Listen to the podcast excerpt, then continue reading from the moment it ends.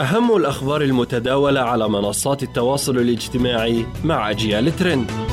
طالبان تنفذ وعيدها. لا نساء على شاشات أفغانستان بلا نقاب.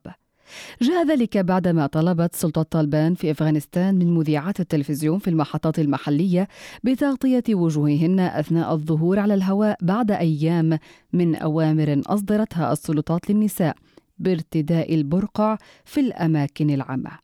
ترتدي معظم الأفغانيات الحجاب لأسباب دينية لكن كثيرات من المناطق الحضرية مثل كابول لا يغطين وجوههن.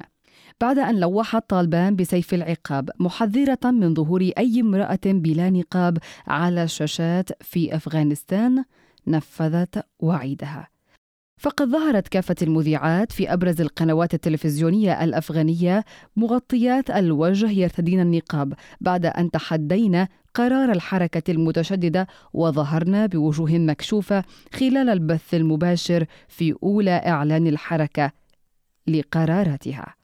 وفي السياق أوضحت سونيا المذيعة في قناة تولو الإعلاميات قاومنا في البداية إلا أن القناة تعرضت لضغوط بعد أن أكدت الحركة أن أي مذيعة تظهر على الشاشة دون أن تغطي وجهها يتعين عليها البحث عن وظيفة أخرى يذكر أن طالبان كانت أمرت بطرد كافة العاملات في المؤسسات العامة في حال مخالفتهن للقواعد الجديدة التي فرضتها مطلع الشهر الحالي مفضلة ارتداءهن للبرقع بعد أن ألزمتهن سابقا بوضع الحجاب فقط إلى الزاوية العلمية هل فكرت يوما كيف يحترق الخشب ولا تشتعل الأواني المعدنية فوقه؟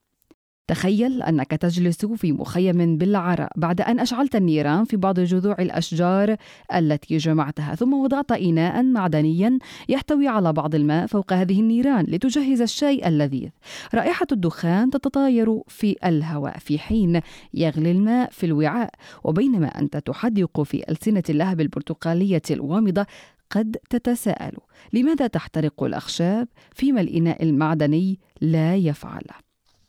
مقال منشور في موقع لايف ساينس يقول أن سبب في اشتعال بعض الأشياء وعدم اشتعال أشياء أخرى يرجع إلى الروابط الكيميائية بين جزيئاتها والطاقة التي يتطلبها تغيير أو كسر تلك الروابط وبشكل أكثر وضوحا فإنه لا يمكن كسر الروابط الكيميائية القوية في المعدن فيما تفتقر قطعة الخشب إلى تلك الروابط لذلك لا تملك القدرة على امتصاص الطاقة من اللهب وبدلا من امتصاص الطاقة يطلق الخشب الطاقة عن طريق اشتعال النار، لكن المعدن الموجود في الإناء يتمتع بقدرة هائلة على امتصاص تلك الطاقة وتبديدها، هذا هو سبب الإحساس بالحرارة عند لمس الإناء المعدني، ويمكن أن يؤدي الامتصاص الأفضل للحرارة أيضا إلى منع الخشب من الاشتعال.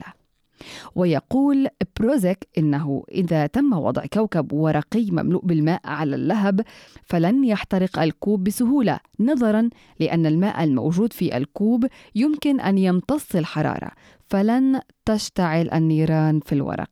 وفي بعض الأحيان يمكن لبعض المعادن أن تحترق وتستخدم هذه المعادن القابلة للاحتراق بما في ذلك البوتاسيوم والتيتانيوم في صناعة الألعاب النارية. كان هذا أجيال ترند لهذا اليوم. أتمنى أن تكونوا دائما بخير. تحياتي لكم أحلى محبوبة. إلى اللقاء في حلقة جديدة.